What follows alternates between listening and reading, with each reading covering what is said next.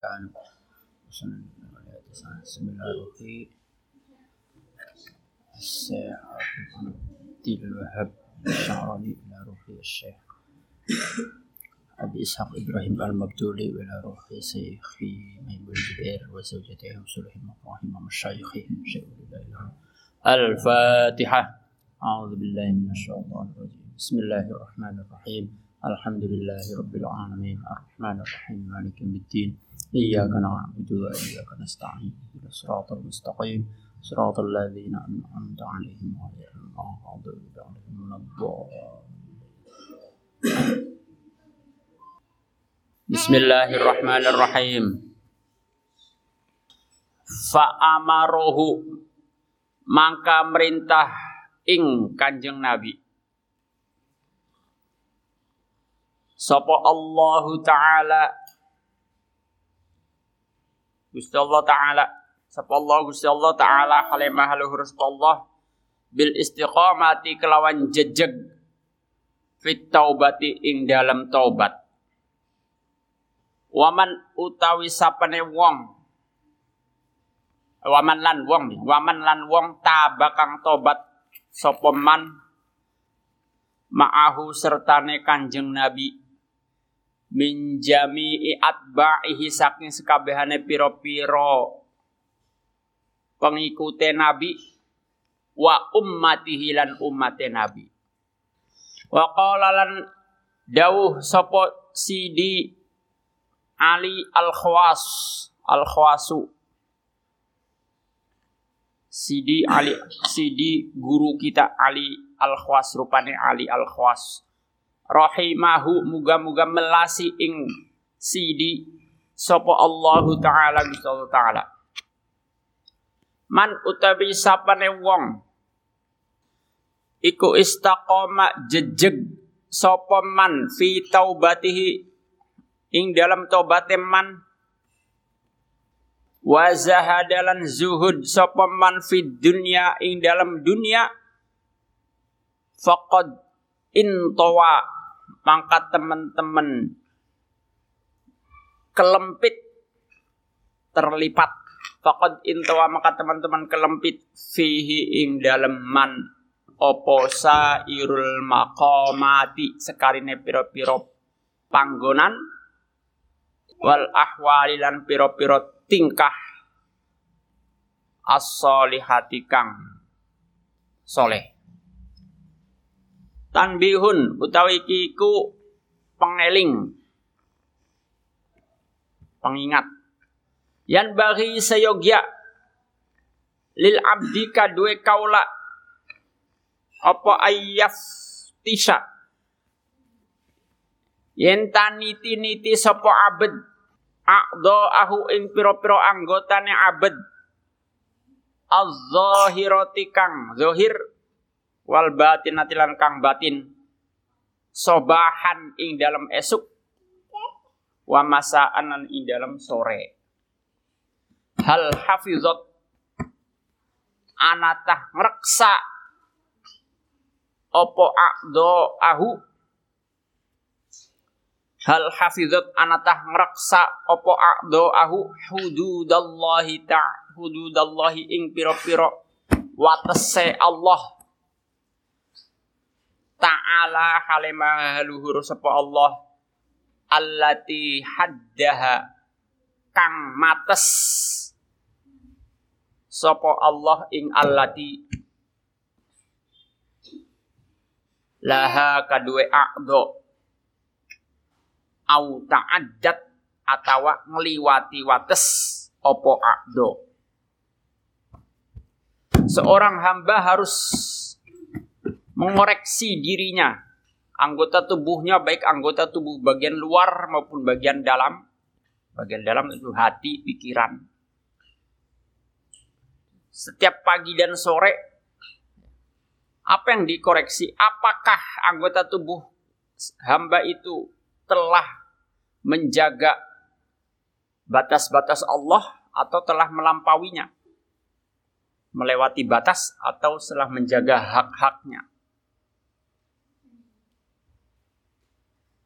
Seperti anggota tubuh kita, mata misalkan.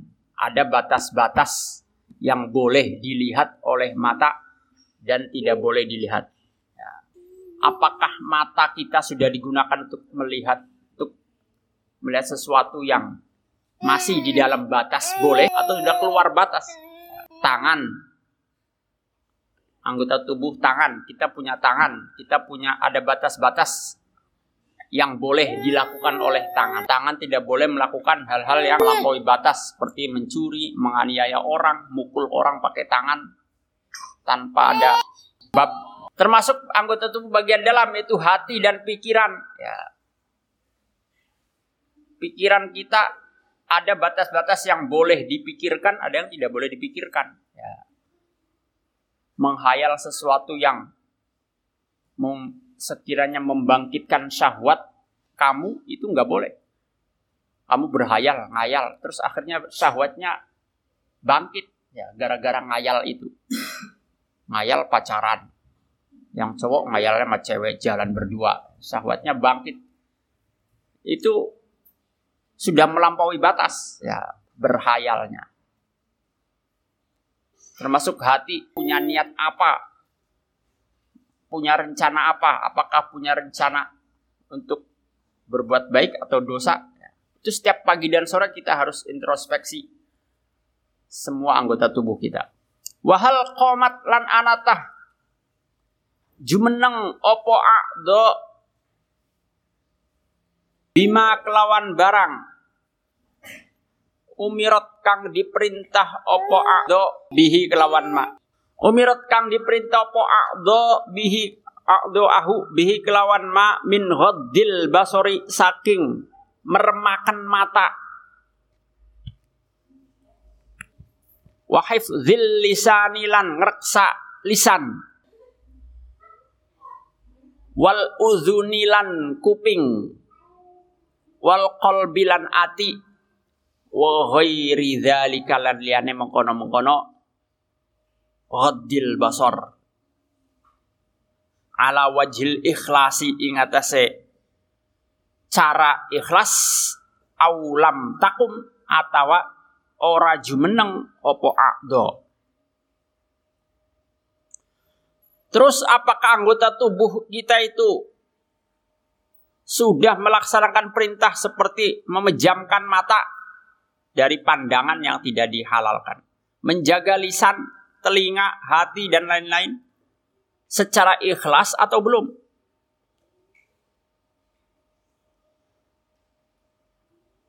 Terus nanti apa kalau sudah dikoreksi? Nanti ada lanjutannya nih. Fa'in ro'a maka meningali sopo wong, sopo abed.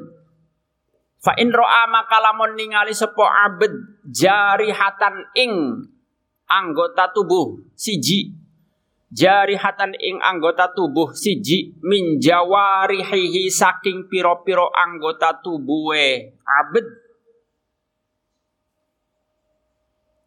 Atau at kang taat opo jarihah? Syakaro mangka syukur sopo abed. Allah ing Gusti Allah taala halimah haluhur sopo Allah. Nomor dua catatan kaki Al-jarihah artinya al-udhu anggota tubuh kalyadi seperti tangan, wal lisan.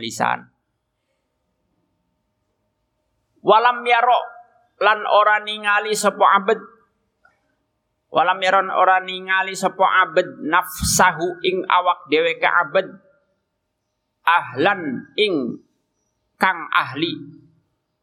Lidzalika maring mengkono-mengkono taat lidzalika maling mengkono mengkono taat wa in ro'a halan lamun ningali sapa abed ing jarihah. Wa in ro'a halan lamun ningali sapa abed ing jarihah talat tohot hale berlumuran opo jarihah.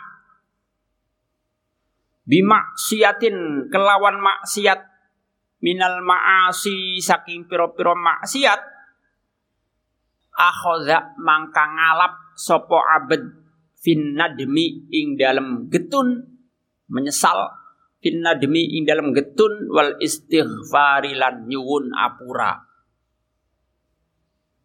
Summa mangka kari-kari syukur sapa abad Allah ing Gusti Allah taala halemah haluhur sapa Allah.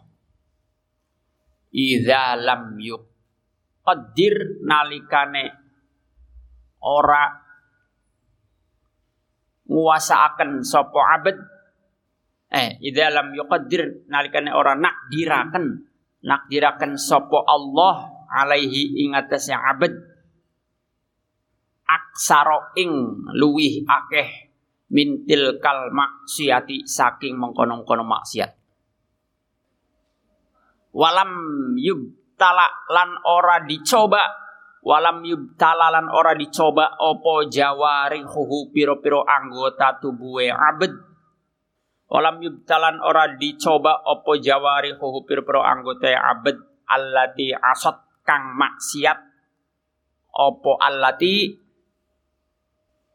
allati asot kang maksiat opo allati bil amrodi kelawan piro-piro. Lara. Wal jirohati lan piro-piro luka. Wadama mililan piro-piro bisul. Wal kuruhilan piro-piro catu. Catu juga luka. Wal kuruhilan piro-piro catu. Fa inna kulla udwin makastuhune saban-saban anggota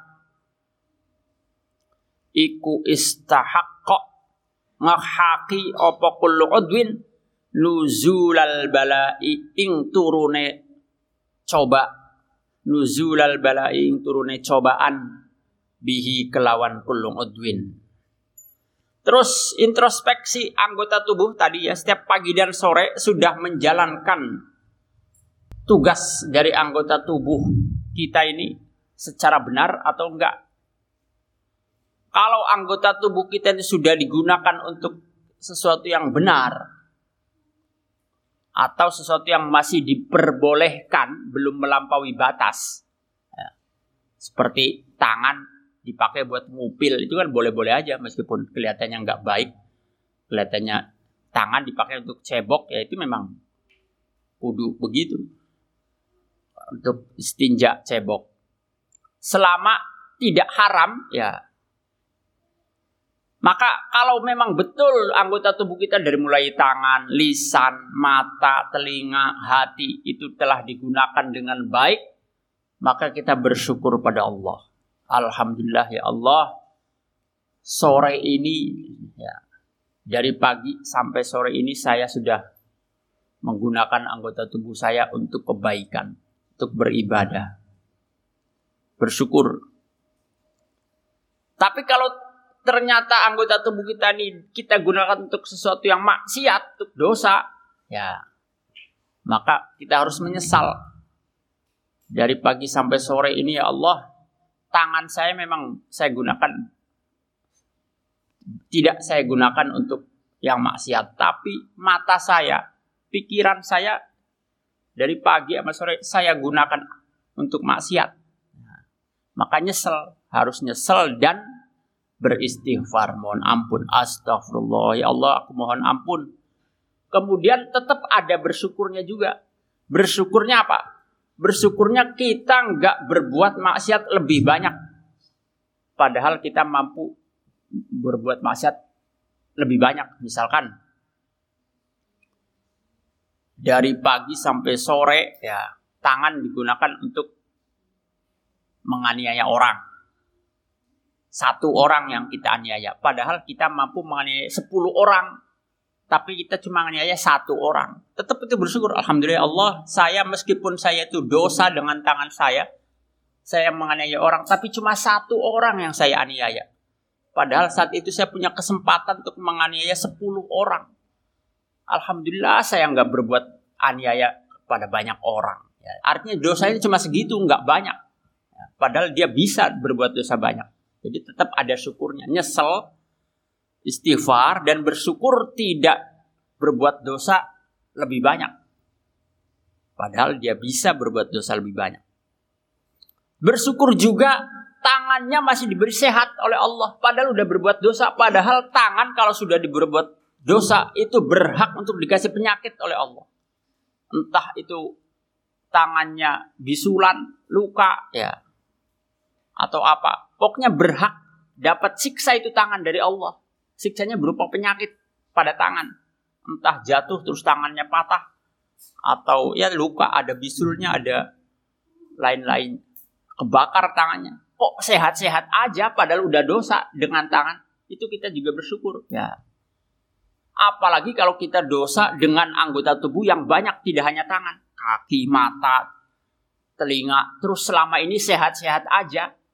Padahal selama ini kita nggak pernah introspeksi. Sekarang introspeksi. Alhamdulillah ya Allah, saya dari mulai balik sampai sekarang, saya belum pernah introspeksi, ngaca pada diri saya sendiri. Sudah berbuat dosa apalagi saya ini. Saya selalu nilai orang lain tadi tapi tidak bisa menilai diri sendiri. Kalau kita kan gampang nilai orang ya, tapi paling males menilai diri sendiri. Suka ngomentarin apa yang dilakukan orang lain, tapi kalau kita sendiri apa yang kita lakukan berhak untuk dikomentari. Maka kalaupun tidak bisa introspeksi setiap hari, apalagi sehari dua kali nih pagi dan sore. Ya.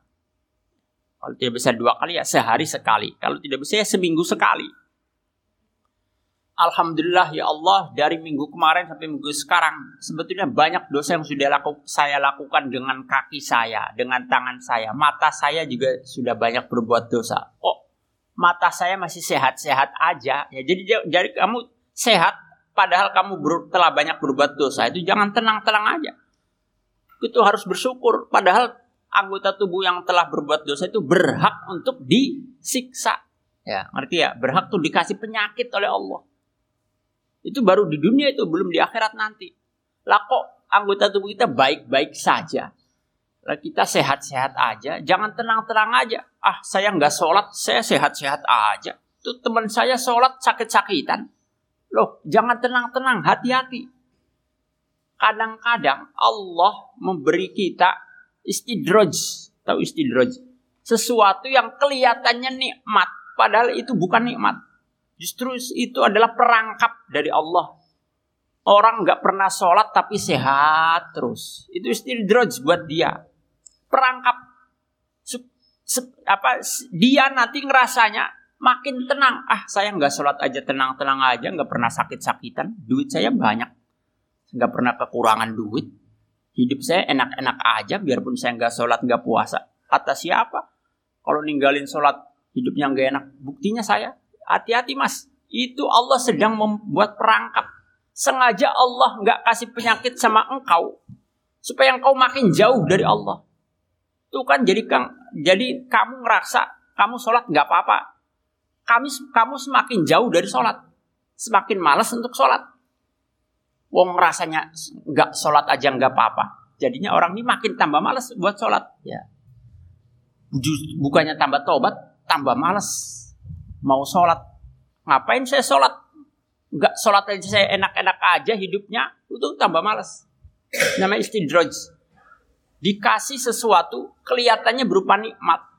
Sehat, banyak uang, keluarga baik-baik saja. Kelihatannya nikmat, kelihatannya. Padahal itu bukan nikmat itu justru Allah berikan supaya orang itu makin jauh dari Allah. Dia yang diberi nikmat itu semakin nggak ngerasa kalau itu dari Allah. Semakin nggak ngerasa bahwa uang itu dari Allah, nggak ngerasa dia. Uang dia yang nggak sholat, ya. dia ngerasa itu dari kerjaan dia sendiri. Ngerti maksudnya ya?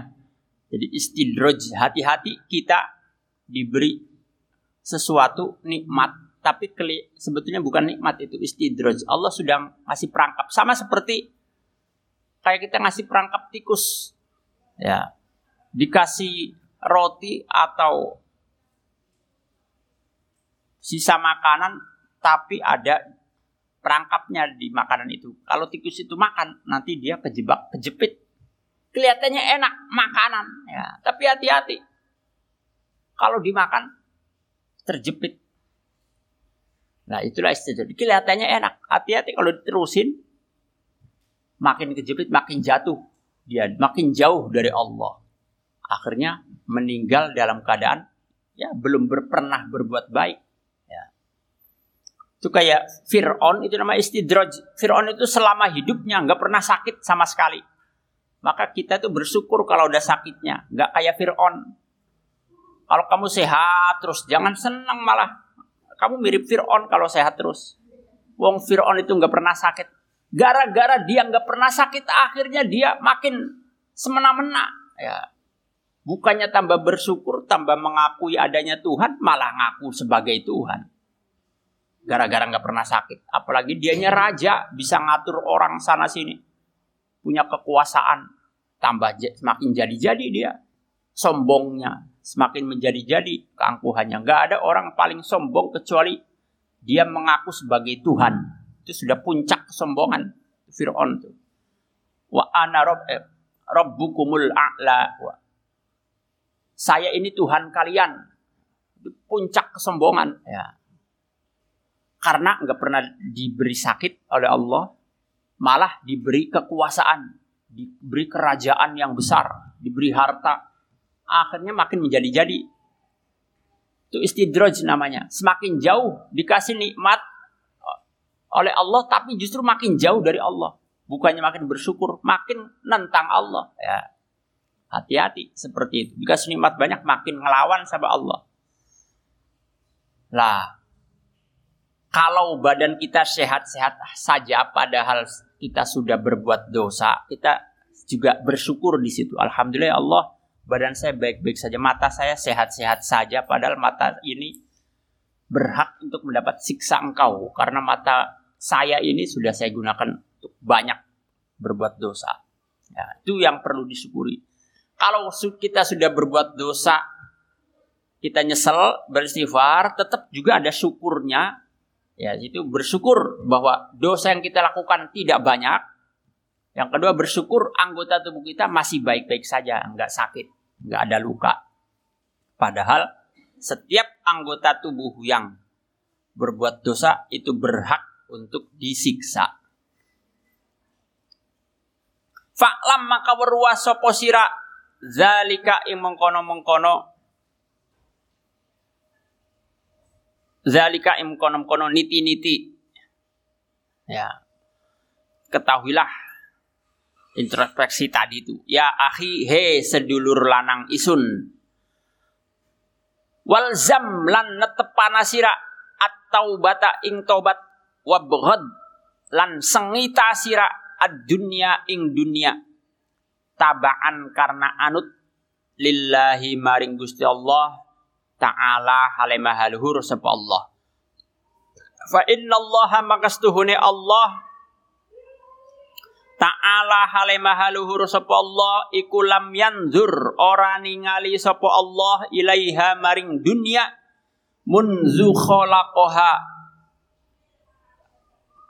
awit nyiptaaken sapa Allah ing dunia munzu khalaqaha awit nyiptaaken sapa Allah ing dunia li syiddati bughdihi karena banget bendune Allah. Li syiddati bughdihi karena banget bendune Allah laha maring dunia wa fil hadis dalam hadis hubbul mali utawi demen dun, demen harta wasarofilan luwih-luwihan iku yun bitani nyukulaken apa hubbul mal wasarof iku yun bitani nyukulaken apa hubbul mal wasarof an nifaqo ing kemunafikan fil qalbi ing dalam ati. Kama yun bitu kaya oliye nyukulaken kamayun bitu kaya oleh nyukulakan op almau banyu albakla ing sayur. Sayur mayur ing sayuran. Cinta dunia dan cinta berlebih-lebihan itu menumbuhkan kemunafikan di hati sebagaimana air bisa menumbuhkan sayuran. Semakin cinta pada dunia semakin munafik ya di hatinya Waqad kana lan teman-teman ana sopo Abu Abdillahi. Abu Abdullah Sufyanus Sauri rupane Sufyan As-Sauri. Rahimahu muga-muga melasi ing Sufyan sapa Allah Gusti Allah taala halimah haluhur sapa Allah. Yaqulu hale dawuh sapa Sufyan As-Sauri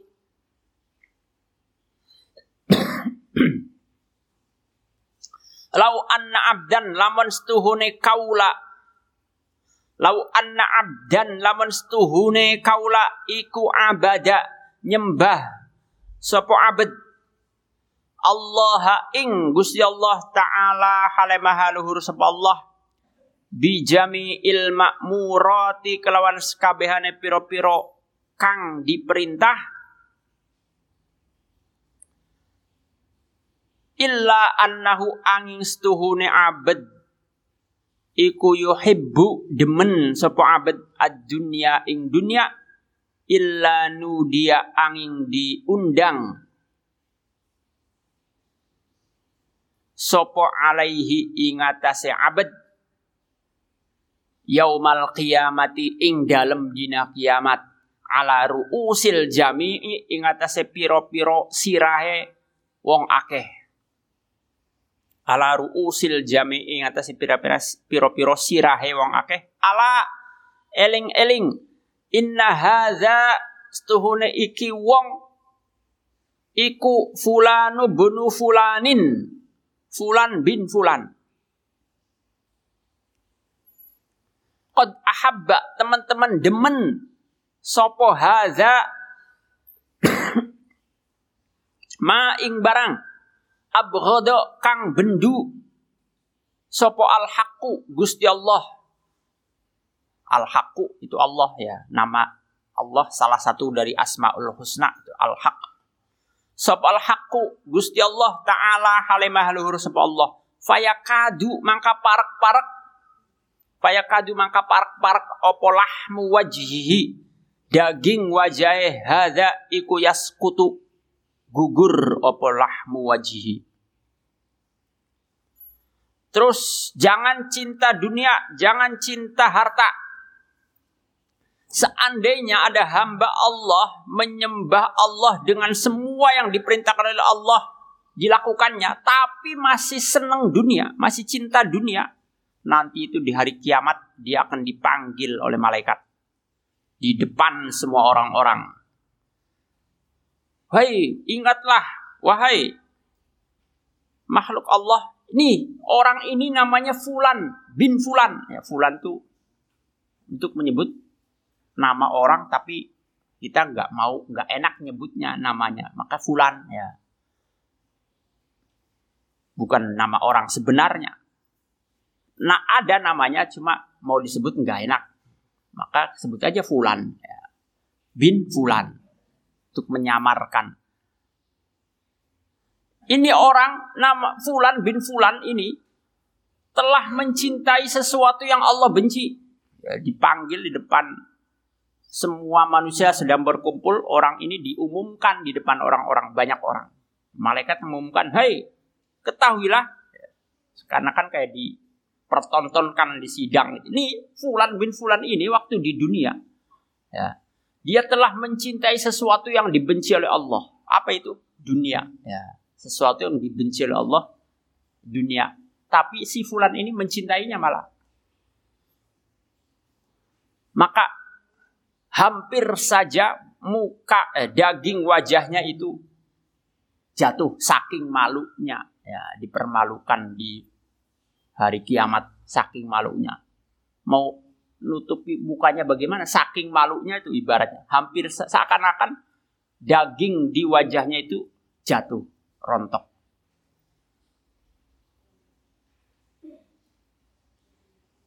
Tuh cinta dunia meskipun padahal nih si hamba Allah ini sudah melakukan semua perintah Allah cuma masih ada demen dunia di hatinya itu senang dunia senang harta senang duit di hatinya itu itu dipermalukan di muka umum di hari kiamat.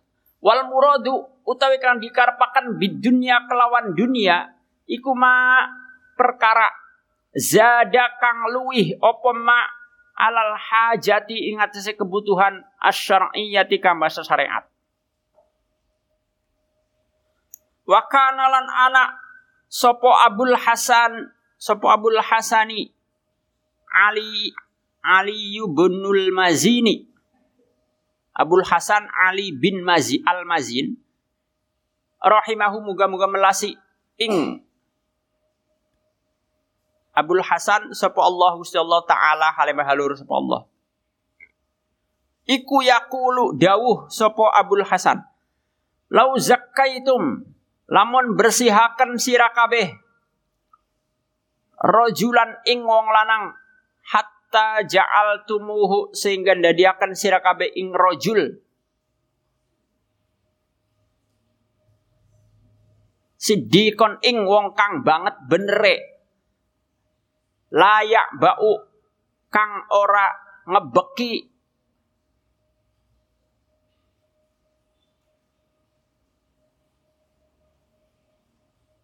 Sapa rajul al haqqa ing Gusti Allah taala hale mahlur sapa Allah bihi kelawan rajul. Wa huwa utawi rajul iku yusakinu manggonaken sapa rajul ad-dunya ing dunya biqalbihi kelawan ati rajul. Faqila mangko dicapakan lahu kadue rajul. Fa idza sakinuha maka nalikane wong kang manggon naken dunia Fa idza sakinuha maka nalikane wong kang manggonaken dunia li ajli ikhwanihi karena arae piro-piro sedulure rojul wa iyalihi lan keluarga rojul. Wa khairihim lan liyane ikhwanihi wa iyalihi minal malazimi saking piro-piro kewajiban liyun fiqoha supaya nginfakaken. Sapa rajul ing dunia alaihim ing atase ikhwanihi wa iyalihi. Faqala maka ngucap sapa rajul da'auna. Ninggalakan sapa kita min hadhihi zalaqati saking ikilah piro-piro kepleset Wallahi demi Allah mahalaka ora rusak. Sopeman wong halaka kang rusak sopeman min ahli toriki saking ahli dalan ahli dalan illa min halawatil honi illa min halawatil ghina angin saking manise sugih. Fi nufusihim in dalam pira-pira atine man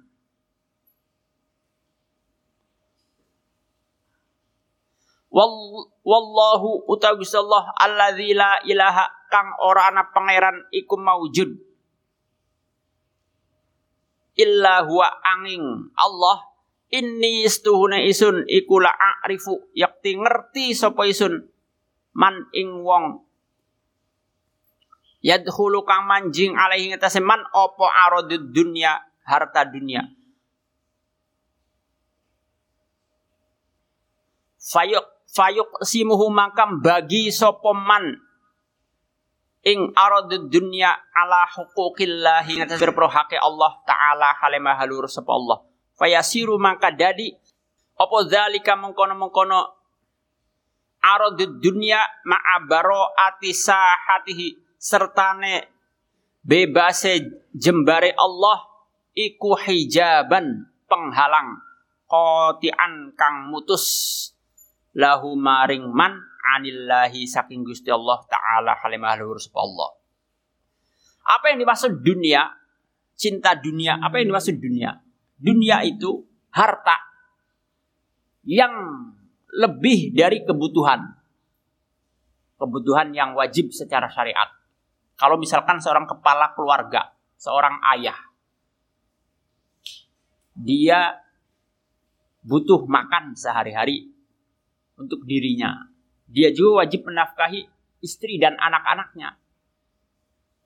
Kebutuhan pokok untuk dia, istri, anaknya makan, pakaian, tempat tinggal. Tempat tinggal nggak harus punya sendiri, bisa juga ngontrak. Nah, bulan bayar itu butuh dia butuh uang tetap ya kan kita nggak mungkin lepas dari uang tetap manusia itu harus ada uang tapi maksudnya dunia ini lebih dari kebutuhan kebutuhannya untuk makan seorang kepala keluarga seorang ayah misalkan dia untuk dirinya sendiri makan sebulan taruh gampangnya aja 500 ribu untuk istrinya 500 ribu punya anak dua misalkan satu anaknya 500 ribu juga jadi 4 juta itu baru makan makan dan minum.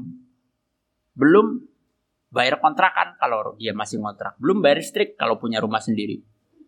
Tambah. Terus apalagi kebutuhannya? Ya, tadi baru makan, belum pendidikan anaknya. Ya, anaknya buat bayar sekolah anaknya, buat bayar mondok anaknya. Itu kebutuhan. Termasuk kesehatan itu termasuk kebutuhan pokok. Ya, kalau sakit butuh biaya. Bahkan sekarang telekomunikasi sudah jadi kebutuhan selain belajar itu jadi kebutuhan, kesehatan juga termasuk kebutuhan pokok. Jadi kebutuhan pokok nggak cuma sandang, pangan, papan, nggak cuma pakaian, makanan, sama tempat tinggal, tapi ada kesehatan, pendidikan juga termasuk kebutuhan pokok sekarang. Ya,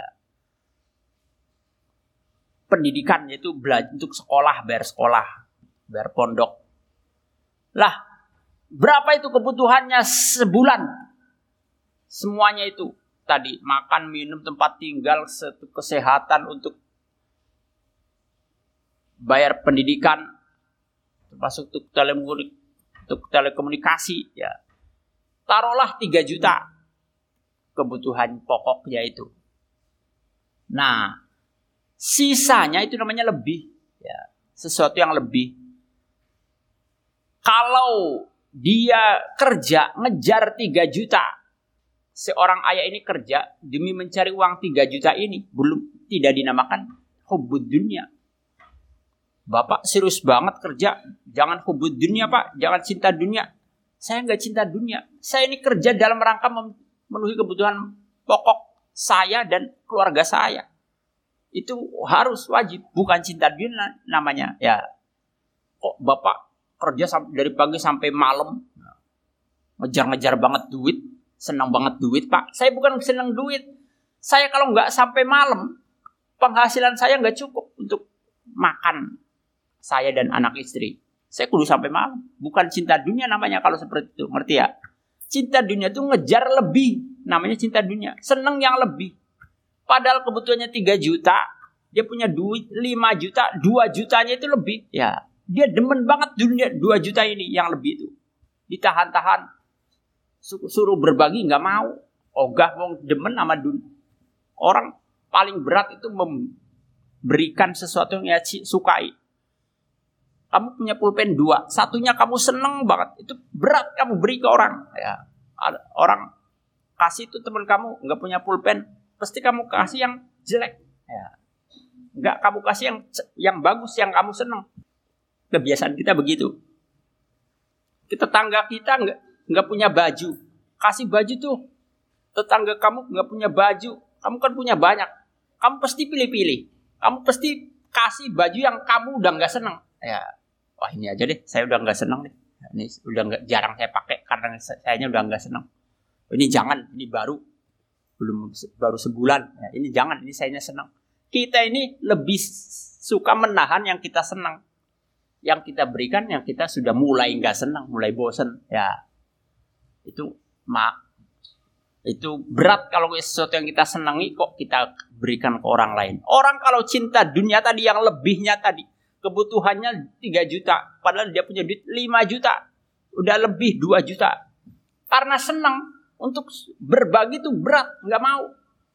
Tetanggamu nggak bisa makan tuh kasih, jangan deh. Jangan dong, saya juga butuh ini. Padahal udah lebih kebutuhannya.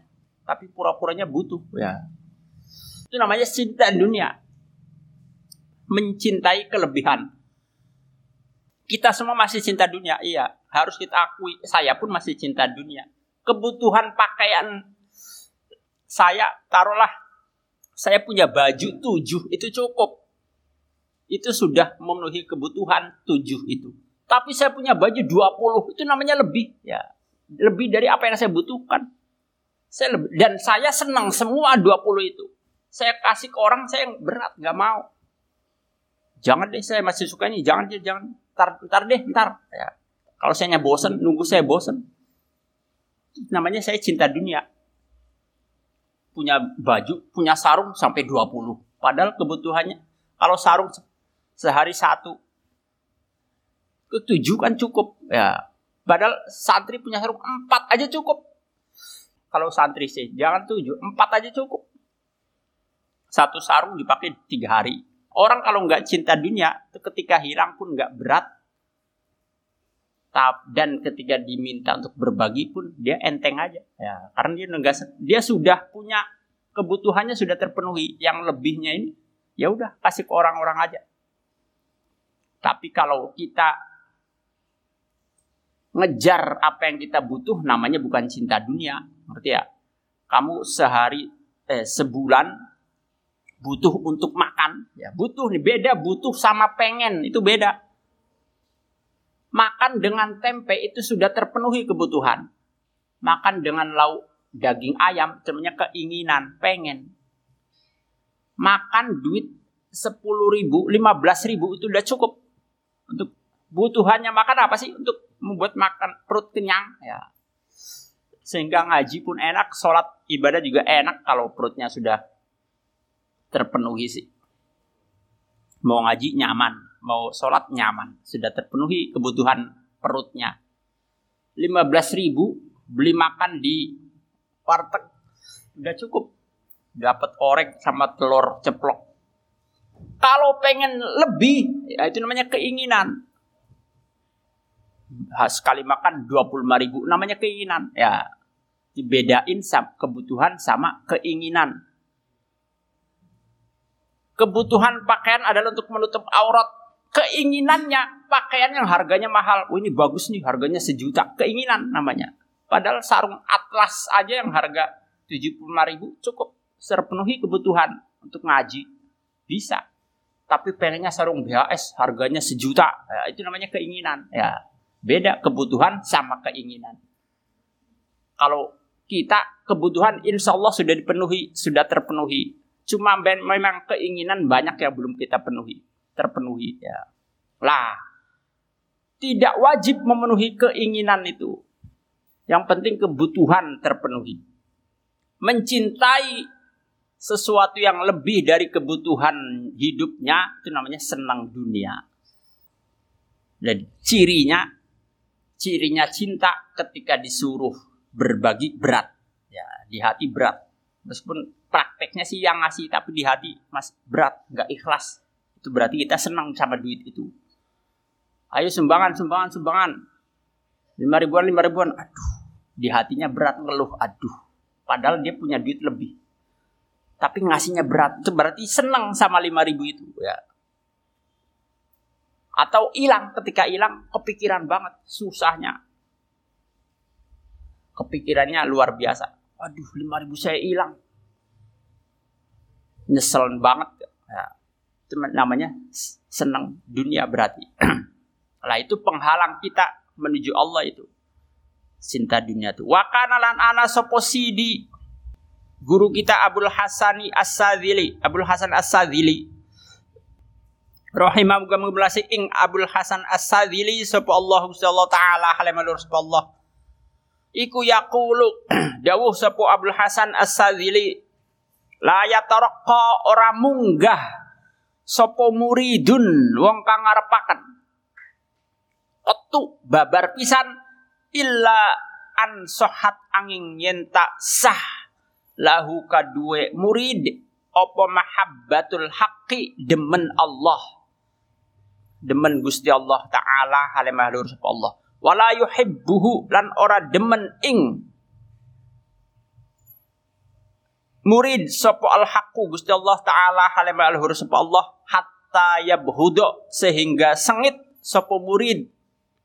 Ad dunya ing dunya wa ahlaha lan ahli dunya wa yazhadalan zuhud sapa murid fi naimid daraini dalam kenikmatane desa loro. Daroin itu dunia dan akhirat. Desa loro. Wakolan dawuh sopo Abdul Hasan As-Sadzili aidun halimaning kullu muridin utawi saban-saban wong kang eh, ngarepaken. Kullu muridin utawi saban-saban wong kang ngarepaken. Murid itu aslinya bahasa Arab ya. Kita ini disebut murid. Ada guru ada murid. Dalam bahasa Arab murid itu guru, yang disebut murid itu orang yang belajar tasawuf ya, belajar jadi orang sufi namanya murid. Gurunya syekh muridnya ya murid. Ilmunya ilmu tasawuf yang dipelajari. Ya tapi kalau di Indonesia jadi selanjutnya jadi bahasa murid itu siswa. Ya belajar apa saja namanya murid. Belajar matematika juga murid. Belajar fikih murid. Padahal di aslinya murid orang yang menghendaki atau istilah untuk siswa pelajar tapi yang pelajari tasawuf. Kullu muridin terus Wong kang ngarepaken ahabba kang demen sapa murid ad-dunya ing dunya fal haqqu mengkatawi Gusti Allah taala halama haluhur sapa Allah iku yakrahuhu sengit sapa Allah ing kullu murid ala hasabi mahabbatiha ing atase milang-milang demene dunia lahu maring murid asrotan kelawan akeh wakillatan lan kelawan setitike. Fayajibu maka wajib alal muridi ingatese wong kang ngarepaken opo ayar miya yen tambalangaken sapa murid ad dunya ing dunya min yadihi saking tangane murid. Wa min qalbihi lah saking ati murid. Awwala dukhulihi ing dalam kawitane manjinge murid fitoriki ing dalam dalan ini orang belajar tasawuf harus ini. Pertama kali kalau mau belajar tasawuf, syaratnya jangan senang dunia. Ya. Lemparkan dunia dari tangannya, juga dari hatinya. Sesuatu yang punya dia lebih, berikan semua ke orang lain. Saya punya duit misalkan 5 juta tadi. Padahal kebutuhan saya 3 juta. Yang 2 juta saya kasih ke tetangga, ke teman-teman. Kalau orang fakir miskin, udah saya pegang yang saya butuh aja. Saya punya pakaian 20, padahal kebutuhan saya cuma 5. 15 saya kasih. Ya, udah saya 5 aja pakaiannya. Sarungnya 5, pakaian 5. Masing-masing 5. Yang sisa saya dengan ini saya nggak butuh. Ya, cukup saya 5 kasih ke orang. Itu belajar tasawuf untuk menjadi seorang sufi kudu begitu ya. Dilemparkan dunia dari tangannya juga dari hatinya, ya. Jangan cuma tangannya tapi di hatinya berat. Aduh, berat banget saya ngasih ini ke orang. Tapi ikhlaskan ya. Biarkan itu lepas dari milik kita, kasih ke orang. Kita pegang yang kita butuh aja, sisanya yang kita nggak butuh kasih ke orang lain, ya. Sehingga yang dimiliki cuma kebutuhan. Itu sufi, baru sufi ya. Sementara kita saya aja masih senang ngumpulin barang, ya ngumpulin sarung, masih senang. Belum bisa jadi orang sufi. Apalagi jadi wali. Wong masih senang dunia. Wa mata talakona langsung mangsane belajar sopo murid ala syaihin ingat saya guru au akhoda atau ngalap sopo murid alaihi ingat saya syekh al ahda ing janji wahwa hale utawi murid iku yamilu condong sampo murid ila dunia maring dunia. Fala buddha maka ora kena ora. Ayyar ja'a yen balik sapa murid min haitsu ja'a saking sekirane teka sapa murid. Watar fadhu lan nolak ing murid apa attoriku dalan. Fa inna aqalla asasin. Maka setuhune luwih setitike dasar. Ya do'uhu kang nyelehaken ing asas sapa al muridu wong kang ngarepaken fitoriki dalam dalan iku az-zuhdu zuhud fid dunya ing dalam dunia faman maka tu sapana wong iku lam yazhad ora zuhud sapa man fid dunya ing dalam dunia la yasihu maka sah lahu kadue man apa bina usaiin bangun sewiji-wiji fil akhirati in dalam akhirat. Zuhud tuh nggak senang dunia, ya. Maka siapa yang mau belajar tasawuf menjadi sufi datang ke syekh kok di hatinya masih ada senang dunia silahkan pulang kata Syekh Abdul Hasan Az-Sadzili ini Syekh Abdul Hasan Az-Sadzili ini pendiri Torikot Sadziliyah ya jadi kita itu ada Torikot di NU ada beberapa Torikot yang diakui tarekat ya biasa disebut tarekat atau Torikot di Buntet yang banyak Tijani sama Syatiri. Syat, Syatiriyah sama Tijaniyah. Syatiriyah, Tijaniyah model biasanya baca solawat Fatih Allahumma sholli ala sayyidina Muhammadin al-Fatih lima uhliqal khatm. Dia punya wirid khusus tarekat tuh. Setiap sholat ada wirid khusus. Nanti ada pertemuan khusus tiap berapa bulan atau berapa minggu. Ada tarekat Tijaniyah, Satiriyah di Buntet yang banyak dua itu. Ada Naksabandiyah, ya, tarekat. Ada Saziliyah. Nah, tarekat Saziliyah ini pendirinya Abdul Hasan Ash-Shazili tadi yang berkata, siapa yang datang ke syekh, ke guru tasawuf, kok di hatinya masih senang dunia, silakan pulang. Silakan pulang. Dari mana datang besok? silakan kembali saja atas Abdul. Jangan jalan ini, jalan torikot ini, ya orang sufi ini harus tidak boleh senang dunia, harus zuhud. Untuk jadi wali begitu dulu, ya. Dunia harus dilemparkan dari hati kita. Kalau kamu menjadi orang sufi, Imam Ghazali itu tadinya belajar fikih, fikih ya. Sehingga ngarang kitab usul fikih, ngarang kitab fikih banyak sebelum belajar tasawuf, beliau belajar fikih. Sampai jadi alim, hebat, bisa ngarang kitab banyak. Suatu ketika, ya, Imam Ghazali punya adik namanya Ahmad. Sholat berjamaah Imam Ghazali jadi imam. Adiknya ini Ahmad jadi makmum. Di tengah sholat, Ahmad mufarokoh. Mufarokoh itu memisah dari sholat jamaah.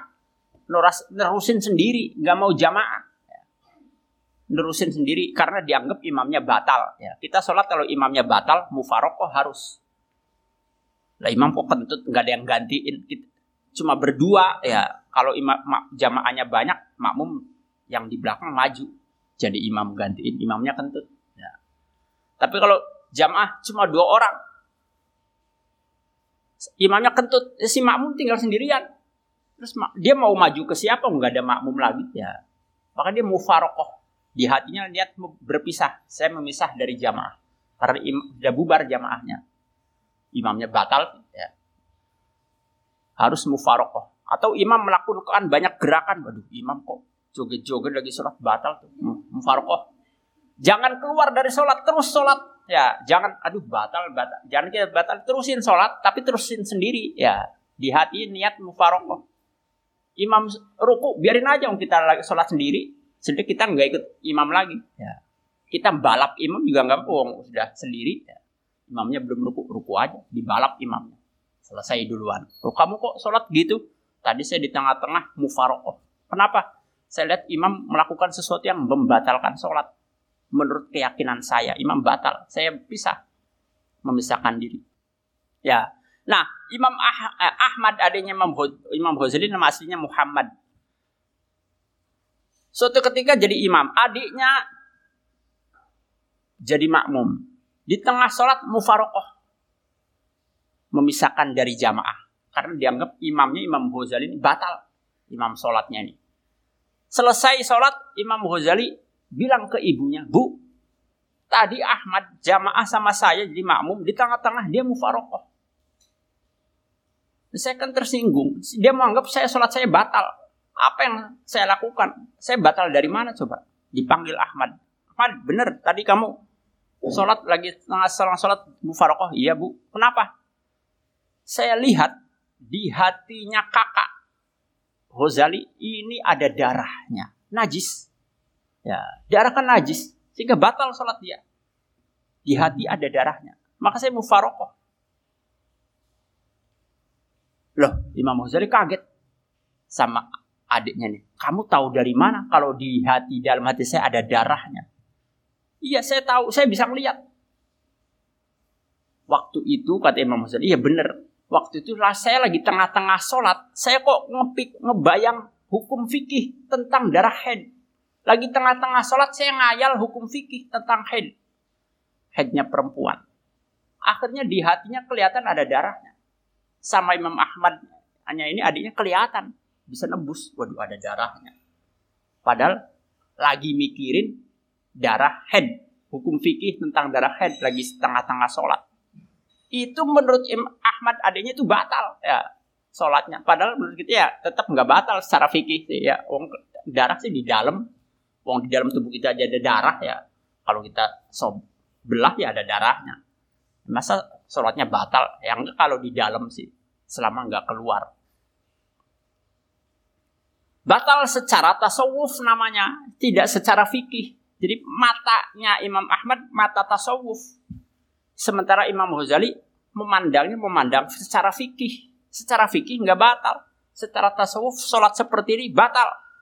Kalau lagi sholat kok mikirin hukum fikih, nggak nggak fokus namanya sholatnya. Ya, namanya sholatnya nggak konsentrasi, nggak khusyuk. Oh sholat mikirin yang lain. Meskipun yang dipikirkan hukum fikih. Sholat tuh harus fokus, konsentrasi, khusyuk. Benar-benar apa yang kita baca, fokuskan ke hadapan Allah. Kok mikirin yang lain tuh secara tasawuf batal sholat begitu. Makanya keluar. Imam Ghazali penasaran, kamu belajar dari mana ilmu kayak gitu? Ya, saya mau dong punya ilmu kayak kamu itu. Imam Ghazali selama ini belajarnya fikih, usul fikih, ya. Belum belajar tasawuf, baru dari adiknya dikasih tahu. Saya punya guru namanya Syekh ini ini. Rumahnya di sini. Silahkan kalau kakak mau belajar, datang aja rumahnya. Imam Ghazali pun datang ke sana. Sejak itulah Imam Ghazali memperdalam tasawuf ya, sampai jadi ahli tasawuf. Kemudian ngarang kitab Ihya Ulumuddin, Bidayatul Hidayah, isinya kitab tasawuf. Sehingga beliau ahli fikih juga ahli tasawuf sempurna sudah ya fikih sama tasawuf kudu berdampingan ini jangan cuma fikih melulu tanpa tasawuf tadi jadinya ya sholat selama nggak mikirin eh, mikirin apa-apa belum batal. Secara fikih nggak ada. Yang batalin sholat adalah mikirin orang lain. Tidak ada kan? Watab tulu as sholatu batal sholat gara-gara mikirin pacar. Nggak ada di fikih. Ya. Memang gak batal secara fikih itu kalau fikih melulu jadinya kayak gitu sholatnya. Ah sholat mikirin pacar kan gak batal. Sholat jangan hanya lihat dari fikih tapi harus lihat dari tasawuf. Yaitu jangan mikirin yang lain selain Allah. Secara tasawuf gitu. Meskipun secara fikih tidak apa-apa. Tapi secara tasawuf itu apa-apa itu masalah. Makanya Imam Ghazali akhirnya belajar tasawuf. Bahkan beliau jadi ulama salah satu ulama yang dianut oleh NU dalam tasawuf itu Imam Ghazali. Nah, Syekh Abdul Hasan Al-Sadzili salah satu tokoh tasawuf, beliau mengatakan, siapa murid datang kepada Syekh mau belajar tasawuf kok masih ada senang dunia di hatinya, silakan pulang aja. Ya, hanya jangan dulu belajar, belum siap namanya. Buang dulu dunianya dari hati, dari tangannya. Baru bisa jadi tokoh sufi. Wa kana sidi wallahu a'lam bis